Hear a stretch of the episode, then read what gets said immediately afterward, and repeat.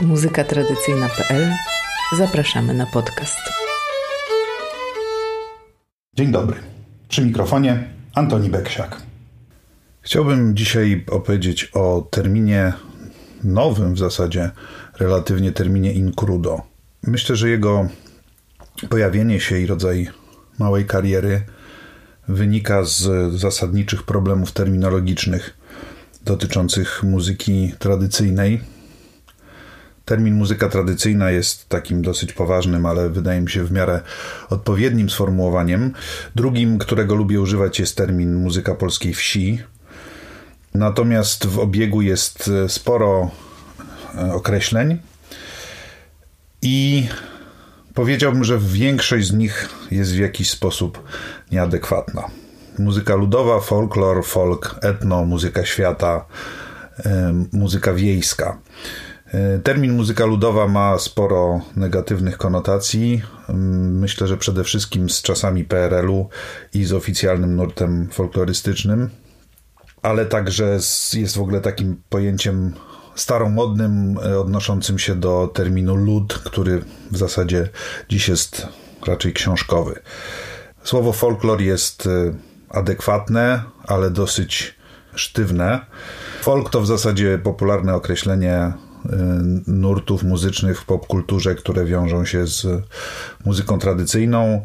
Etno, muzyka świata y, to są coraz szersze w zasadzie terminy. Słowo wiejski, wiejskie ma dla wielu bardzo negatywne konotacje, z którymi chcielibyśmy walczyć.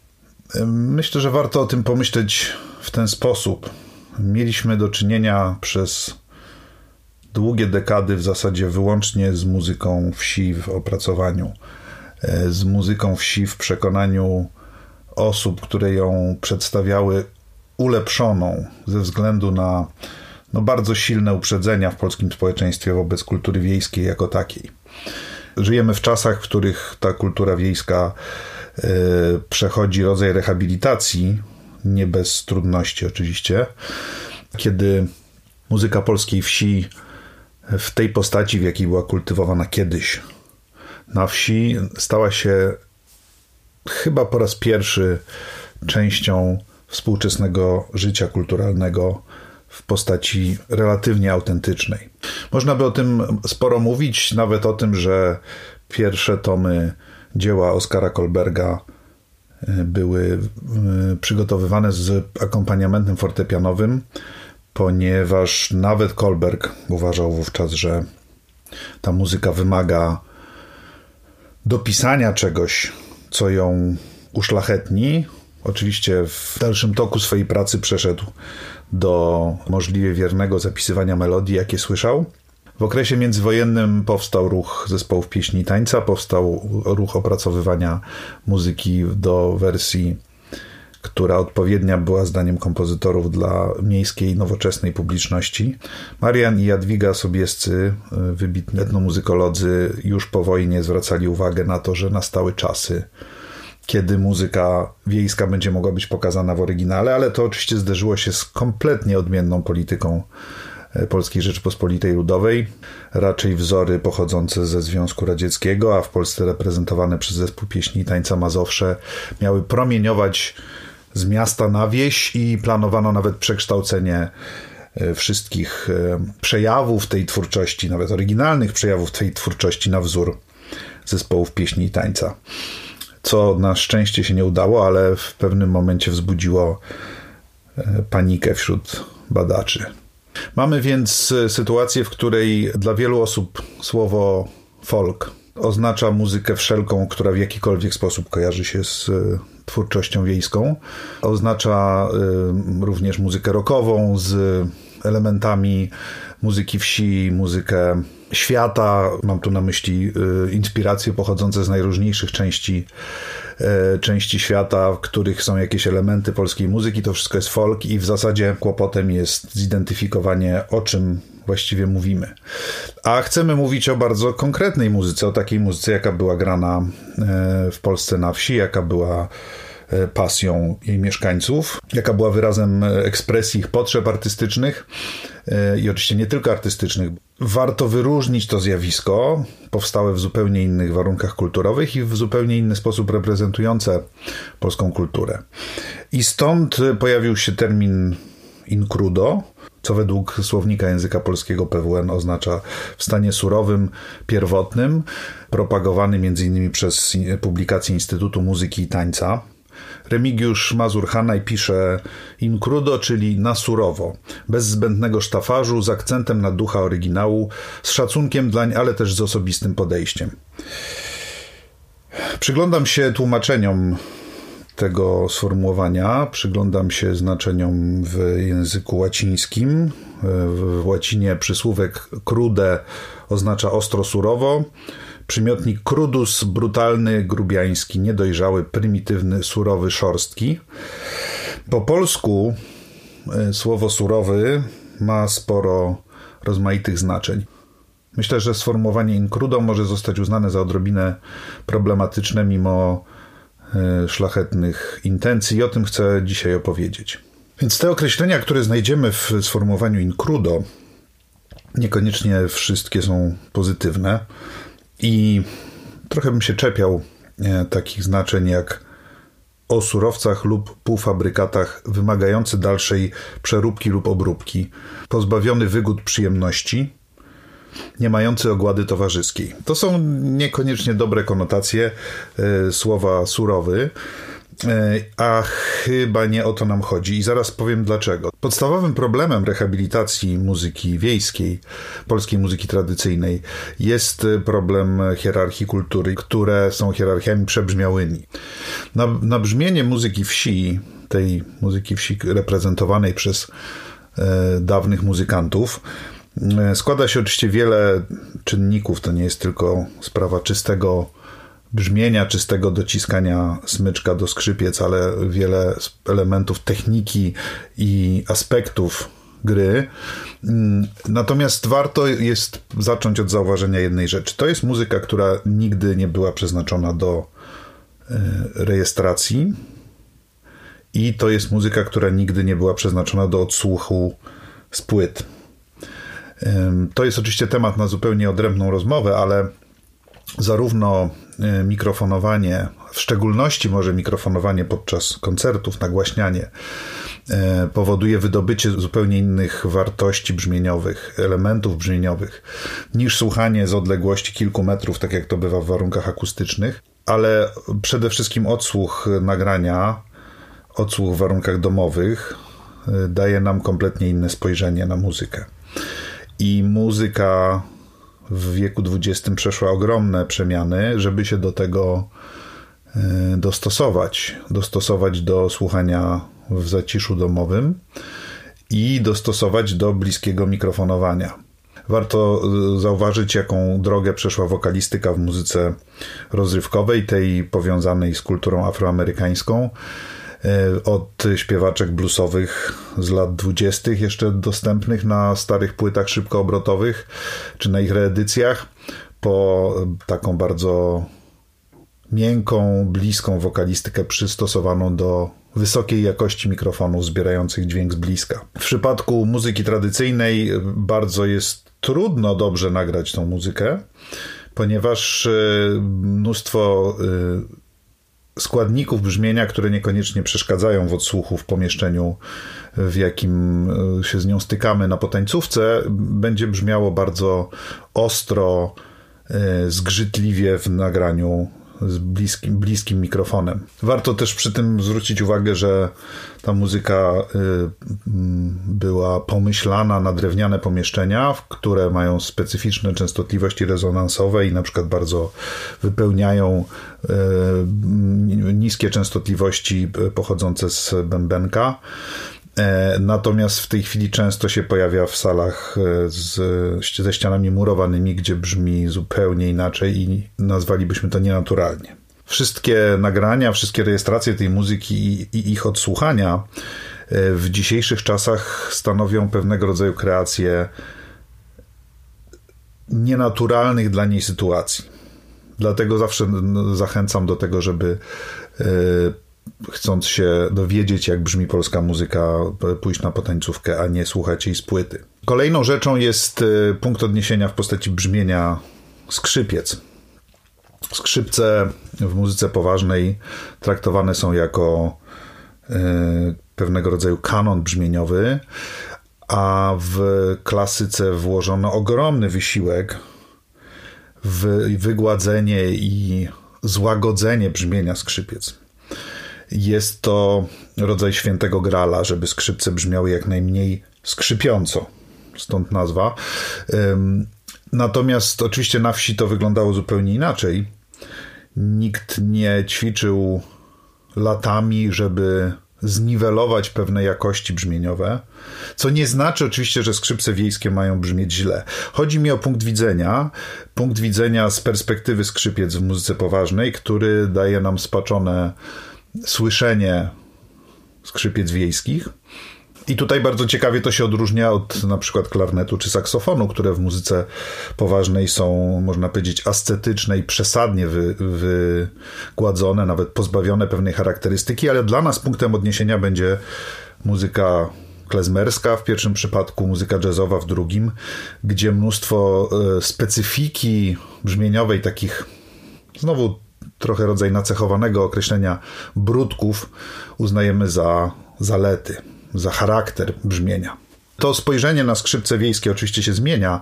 Mówię w szczególności o polskiej sytuacji. Dwadzieścia parę lat temu, kiedy zaczynaliśmy działania w ramach sceny Korzenie w klubie Riviera Remont czy w ramach Domu Tańca, no bardzo często się słyszało komentarze, że ta muzyka jest y, nie do słuchania, ponieważ ci ludzie nie umieją grać. Teraz zresztą powoli następuje zmiana w, tej, w tym zakresie, jeśli chodzi o brzmienie dud, które jeszcze całkiem niedawno były właśnie określane jako takie brzmienie, no zresztą pamiętamy to z Asterixa, e, jako takie brzmienie, którego po prostu nie da się słuchać. Brzmienie drażniące dla bardzo wielu osób. W tej chwili dzięki działaniom e, rozmaitych e, grup, między innymi wokół muzyki żywieckiej, pojawia się przewartościowanie brzmienia dud. Dwa cytaty chciałem przytoczyć. Y, kiedy Wojciech Kilar mówi o muzyce wiejskiej, o brzmieniu skrzypiec, że jest szorstkie i chropawe, to zawsze mnie zastanawia właśnie, czy to są określenia szorstkie i chropawe, ale mi się podoba, czy odnoszące się bezpośrednio do pozytywnych jakości brzmieniowych. Te słowa można w rozmaite sposoby odebrać, ale bardzo często mówimy właśnie o brzmieniu surowym, o brzmieniu szorstkim, o brzmieniu chropawym w taki sposób, jakbyśmy chcieli powiedzieć, no jest gorsze niż brzmienie muzyki wysokiej, ale mimo to nam się podoba. Ja uważam, że jest to zupełnie niepotrzebne. Z kolei Henryk Mikołaj Górecki mówił o skrzypkach podhalańskich, nie do pojęcia było, że można tak grać. Jak Paganini z gór, jak Fritz Chrysler co najmniej, mając tak wielkie i szerokie paluchy. Tu oczywiście dochodzimy do kwestii biologicznych, o których za chwilę, ale jak widać Górecki patrzył na to zupełnie inaczej. E, bardzo silnym problemem nagrań rejestracji i w ogóle e, obecności muzyki pochodzącej ze wsi jest kwestia zdrowia muzyków. To są ludzie, którzy ciężko pracują fizycznie przez całe życie, w ogromnej większości, e, dla których takie problemy zdrowotne jak brak palców, które urwała jakaś maszyna, jest, są bardzo częste, zadziwiająco częste, którzy żyją dużo krócej niż my w mieście, którzy żyją często dużo gorzej niż my w mieście, w znaczeniu komfortu życia, dla których pragmatyzm i jakby chęć przetrwania no jest wpisana w, od wielu pokoleń w ich życie. Mamy do czynienia z muzykami, którzy są często bardzo zniedołężniali. I oczywiście, i oczywiście to zniedołężnienie często się w sposób dramatyczny odbija na jakości gry, a dodajmy, że bardzo często są to muzycy, którzy przestali być czynni w latach 50., najpóźniej 60. i zostali przywróceni do obiegu w różnym stopniu, począwszy od nagrań etnograficznych u nich w domu, a skończywszy na występowaniu na rozmaitych scenach, a nawet jeżdżeniu za granicę. e, po kilku dekadach nieaktywności. I teraz takie nagrania e, z niedołężniałych muzyków, czy muzyków bardzo dawno temu niepraktykujących, no będą ewidentnie nie reprezentowały jakości sposobu gry mogą być bardzo pomocne pod względem poznawczym, mogą przekazywać nieznany repertuar, nieznane sposoby gry. Natomiast uważam, że wręcz nieodpowiednie byłoby odtwarzanie tych nagrań ludziom, którzy chcą dowiedzieć się, jak ta muzyka brzmiała, bo oczywiście powinniśmy pokazywać ją w jak najlepszej wersji, w jak najlepszej swojej odsłonie. Przecież żadnej muzyki nie słuchamy żeby wiedzieć, jak źle może brzmieć, tylko po to, żeby wiedzieć, jak dobrze może brzmieć. W każdym gatunku interesują nas najlepsi wykonawcy, najlepsze kompozycje, najlepsze przejawy danego nurtu muzycznego. Może jeszcze warto dodać, że czasami nie mamy świadomości, że muzycy grają w sposób niedoskonały, że oni nam o tym nie powiedzą, że wygrywa ich pragmatyczność że potrafią się wstydzić mówić o swoich chorobach. Zresztą na wsi jest to w ogóle uznawane za oznakę słabości, żeby być chorym. W związku z tym możemy się spotkać z tym, że nie będziemy pewni, czy muzyk gra tak, jakby chciał, i nie dowiemy się o tym od niego, że tak nie jest. No i kolejną istotną sprawą jest jakość techniczna nagrań. Tak się składa, że jako się rzekło, to nie jest muzyka, która się realizuje w studiu nagraniowym, to jest muzyka, którą często należy w sensie metaforycznym odkopać z przeszłości, i to też wymaga ogromnego wkładu ze strony prowadzącego badania, prowadzącego nagrania, jego specyficznych cech charakterów pozwalających mu dotrzeć do tych ludzi, często głębokiej wiedzy o tej kulturze.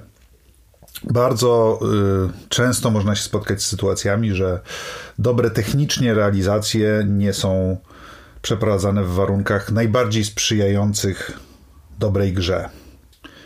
Nie mamy tu do czynienia z muzykami y, zawodowcami w dzisiejszym rozumieniu. Oczywiście oni byli zawodowcami na wsi często, ale w dzisiejszym rozumieniu, którzy przychodzą do studia i są fenomenalnie przygotowani do tego, żeby jak najlepiej zagrać.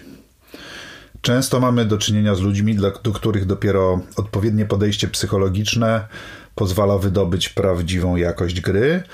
I na przeszkodzie mogą stać zarówno ludzie, którzy te nagrania przeprowadzają, nawet jeśli są świetni pod kątem, pod względem technicznym, miejsce, zasady, jakie przyjęto y, w realizacji nagrań. No takim typowym, typowym problemem polskich archiwów są zbyt krótkie nagrania E, ze względu na repetycyjność muzyki, ze względu na pewnego rodzaju przyjętą metodologię, niekoniecznie zawsze odpowiednią, chociaż mającą swoje podstawy, nagrywano bardzo często krótkie fragmenty, a muzycy się natychmiast do tego, muzykanci się natychmiast do tego dostosowują.